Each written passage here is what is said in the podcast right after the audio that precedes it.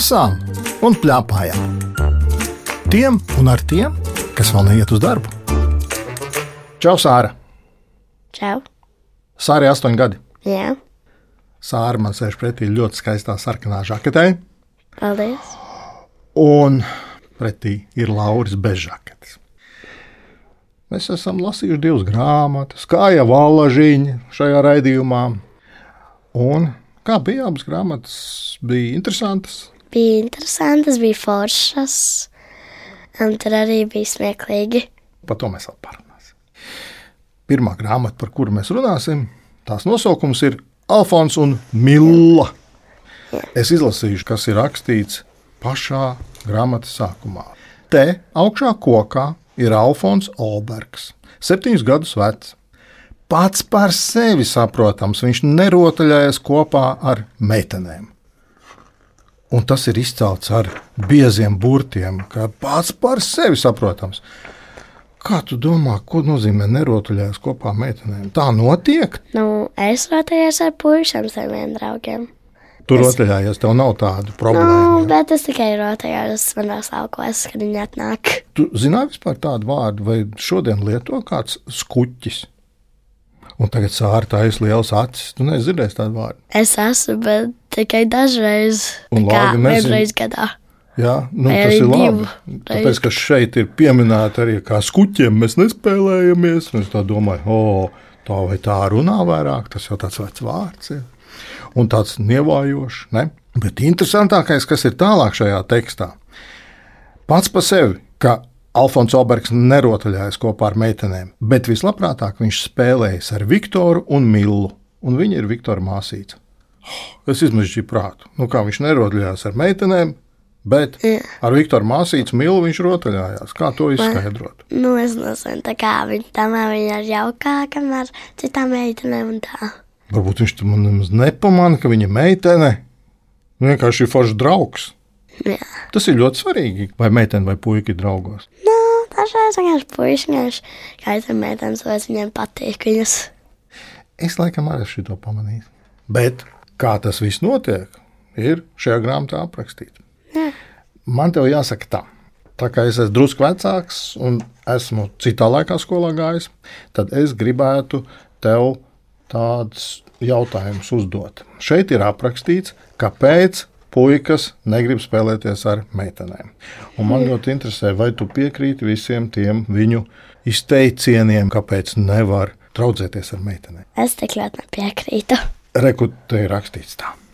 Ar meitenēm taču nevar spēlēties, tā apgalvo visi puikas.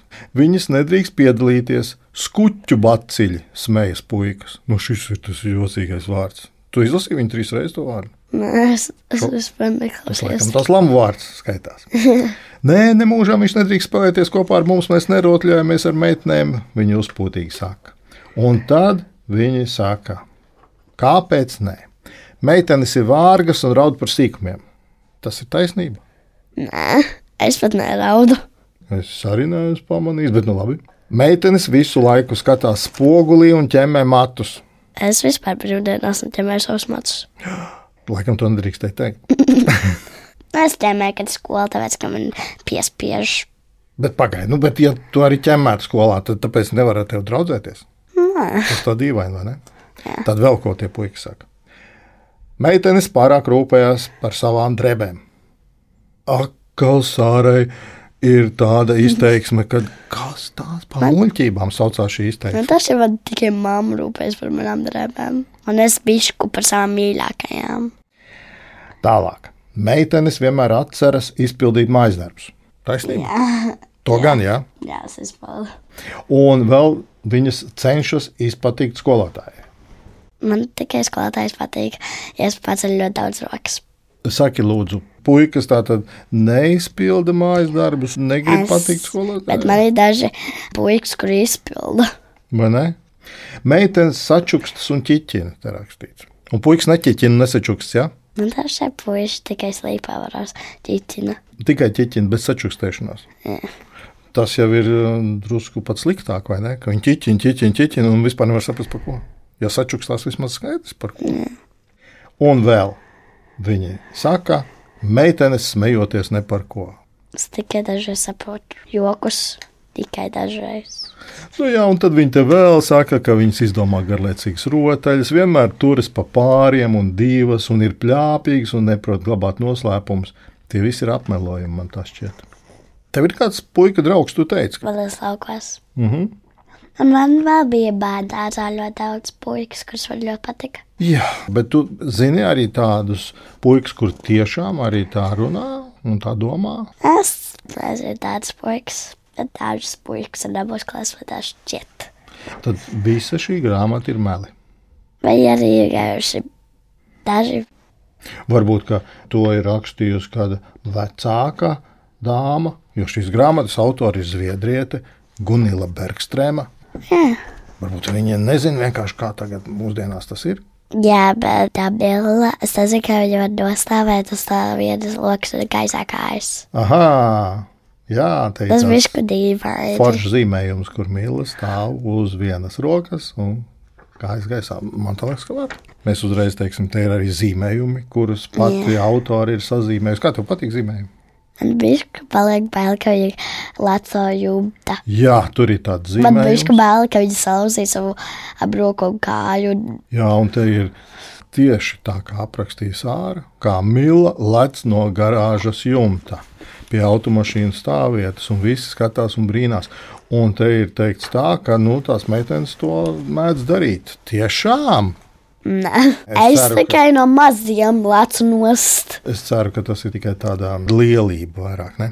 Jā, man tas šeit. Mm -hmm. Tā visa grāmata ļoti tā kā par draugiem, mīlestību un tā. Nu, tad mums jāatgriežas atpakaļ laikam, pie tā Alfona Oberga, kā viņiem iet. Mēs pašā sākumā, tur, kur es lasīju to gabaliņu, minējām, kā viņi būvēja kokā māju. Jā. Tev ir bijusi tāda māja kokā, vai tu esi viesojusies tādā mājā? Ir laukos tāda māja. Mums, mēs uzstādījām jaunu zemi, un mums ir tā jauna māja. Man uztaisīja štābiņu, un viņa vēl nav pabeigta. Vecā kokā tāds štābiņš, bet viņš vēl nav tā kā uztaisīts no koka un viss tas iekšā. Bet mēs jau esam izdomājuši, ko mēs darīsim ar to štābiņu. Es spēlēšu ar saviem draugiem, un viss tā. Tu gandrīz vai pārstāstīji pusi no šīs grāmatas. Jo Alfons ar Mīlu taču arī tur taisa štābiņu mājā, kokos. Un izrādās, ka Mīla taisa vairāk nekā Alfons kaut ko. Jā, viņš ir tā kā Alfons, viņš ko um, visu laiku apusis tās. Saki, lūdzu, kam štābiņā jābūt? Ir? Tur jābūt bijis kā apliktai kaut kur sātai, vai neviens nenokristu. Tas Labi. tur ir. Mhm. Jā, tas šeit jābūt ir. arī tā kā mājai, tā kā, kur tā kā vai man varētu spēlēties ļoti forši. Un tur tā kā jābūt mantām, kur var paspēlēties, vai arī kaut kādu pastu vai kaut kas tāds. Vai arī tā kā uz leju, tā kā tādu tūbiņu, kur mamma tā kā ielika ēst, mēs uzvelkam augšā un tad tur tā kā vēdam. Tas būtu tas pasts. Nu jā, Es un kad piekrītu. ir tā kā ielikt sēdienas, tad noskatīt zvanīšu. Man šķiet ļoti līdzīgi ir domājusi arī Mīla, vai ne? Jā. Mīla šeit taisa namiņa paskasti. Tā tad vajadzīga lieta, jo es no sākuma domāju, nu, kur paskasti, kāpēc paskasti. Bet varbūt arī vajag tādas kaut kādas ziņas, piemēram, ziņas no šiem puikām, kuri negribēja draudzēties ar meitenēm, kuri pēc tam varētu ielikt paskastē, tad zīmīt maziņu. Tad es atvainojos, es tagad draudzējos ar meitenēm, vai es varu tikt štābiņā? No, tā šeit bija kaut kas arī rakstīts. Beidzās grāmata šādi. Lejā uz zemes puikas apklust. Viņi vairs neķircina abus draugus, nu, Alfonu un Milu. Jo tas tik brīnišķīgi izskatās. Tāds jauks namiņš turklāt kokā un vēl pašiem savs karoks. Mēs nestāstīsim, kas par savu karogu. Lai cilvēki lasa grāmatu, Jā. viņiem arī droši vien vajadzētu tādu uzbūvēt, saka puikas. Un vislabāk kopā ar tādu draugu kā Mila. Man tā šeit šī tā grāmata tiešām ir par draudzību. Tā kā, kad puiši ļoti grib arī tādu draugu. Un ne tikai par draudzību, arī par to, laikam, ka vai ir vērts klausīties citos. Ja viens puika pasakā, ka nedraudzējamies ar meitenēm, Nevajag tā kā Nevar. klausīties viņās. mēs pajautāsim to mammai, ko mamma domā par Alfonu un Milu. Kad mēs lasījām ar Sāru šo grāmatu, mēs abas vienojāmies, ka tas ir par Sāru un viņas dzīvi mūsu laukos, kur Sāra ir draugi un kur viņi daudzās. Es domāju, tā ir īstā bērnība, tā kā man bija, ka var no rīta pamosties, iziet ārā, būvēt uh, namiņus, štābiņus, kaut ko meklēt, krāmēt, akmeņus iztēloties, ka tās ir kotletes no smiltīm. Un nav nekāda aizsprieduma, kurš ir puika un kurš ir skuķis. Jā, tieši tā. Bet to var redzēt. Man ir citkārt bērni teikuši, ka tomēr ir kā tajā grāmatā rakstīts, ka ir bērni, kuri draudzējas puikas meitēm, un ir otri, kuri mēdz tomēr tā arī domāt, o, dumjie puikas vai dumjās meitenes, un mēs te tagad nedraudzēsimies, lai gan īstenībā ļoti gribas draudzēties. Jā. Un tad vienmēr ir forši, ka ir tāds labais piemērs, kurš pamudina, ka tomēr jādraudzējas.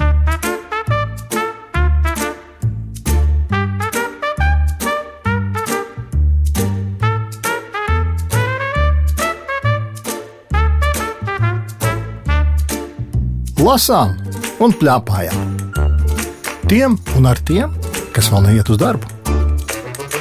Otra grāmatā ir rudā krāsā, un tās nosaukums ir Kad es biju labs. Par ko ir šī grāmata? Kā Man tas šķiet, ka viņa ir ļoti mīļa, forša un par vecu cilvēku. Tev bija svarīgi saprast tās meitenes vecākas. Es izlasīšu, kas rakstīts uz grāmatas aizmugures vāka. Reiz kopā ar vectēvu un vecmāmiņu dzīvoja maza meitene ar koši rudiem matiem. Kur ir viņas mamma un tētis? Vectētiņš nezināja, jo savulaik bija atradis meitenīti pie lapsas alas. Kā tev šķiet, tu gribētu būt atrasta pie lapsas alas? Es nezinu. Kas laikam gan nozīmētu, nē, laikam, nē, es gribētu būt atrasta pie mammas. Jāskatās. Nolas lūdzu pašu sākumu pirmo rinkopu, labi? Lieliski atceros dienu, kad vecētiņš man teica, ka esmu labs. Man tikko bija palikuši pieci gadi.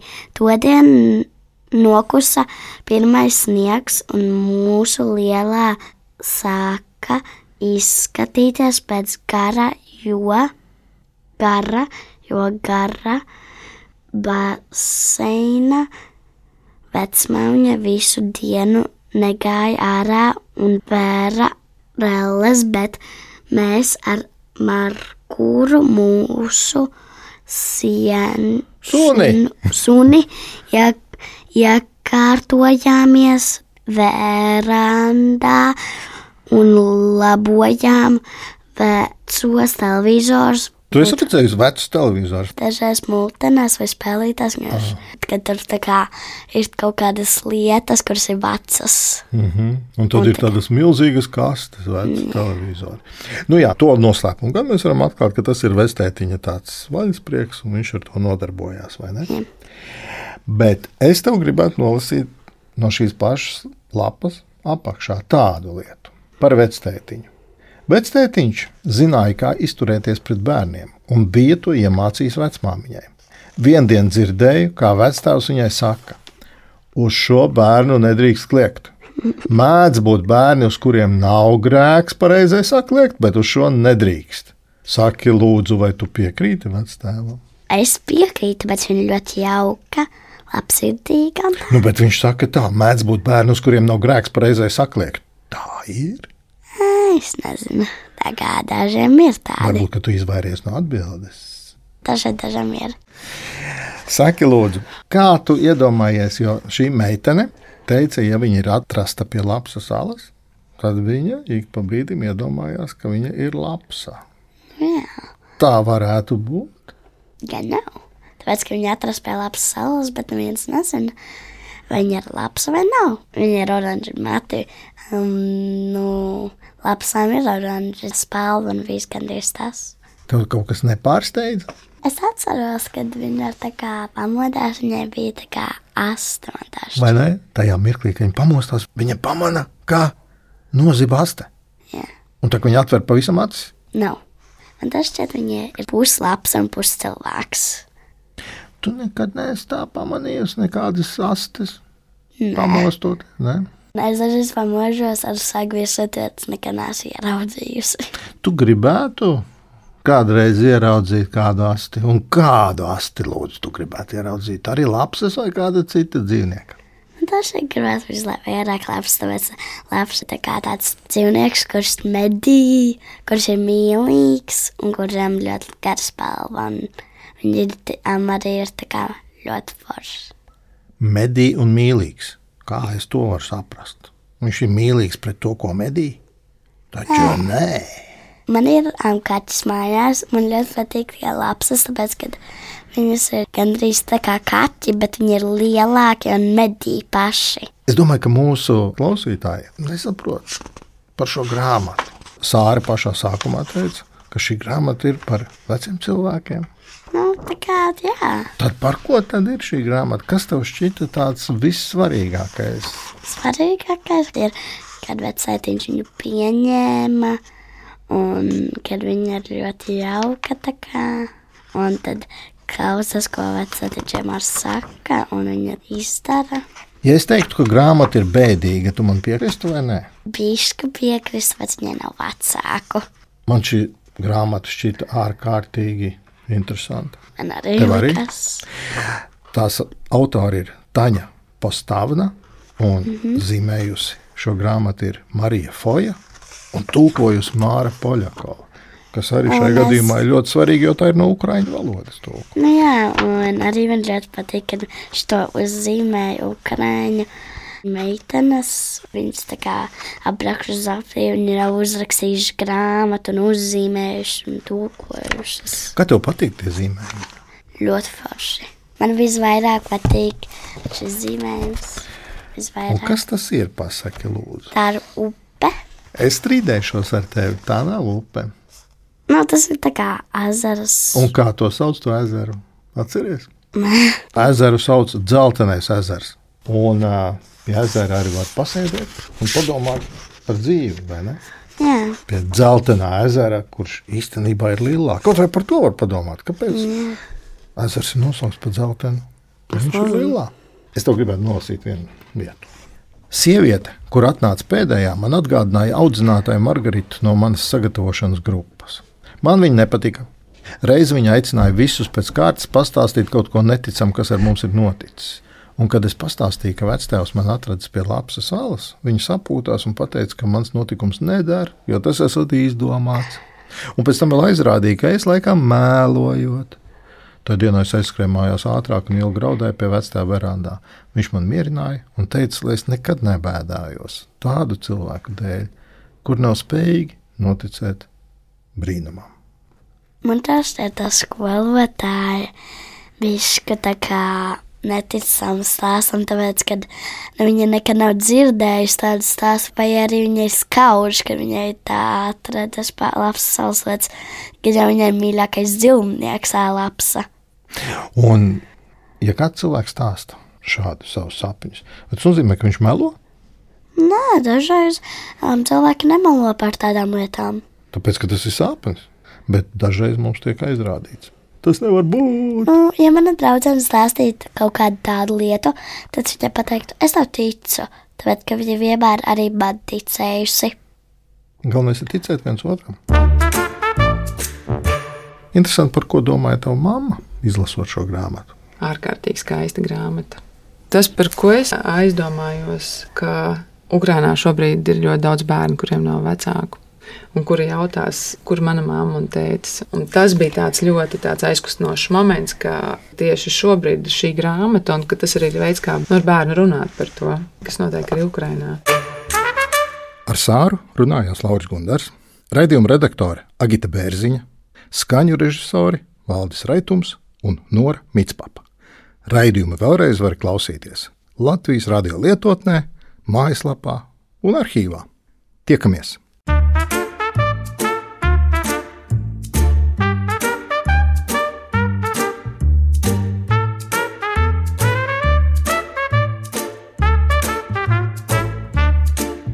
Lasām un plēpājām.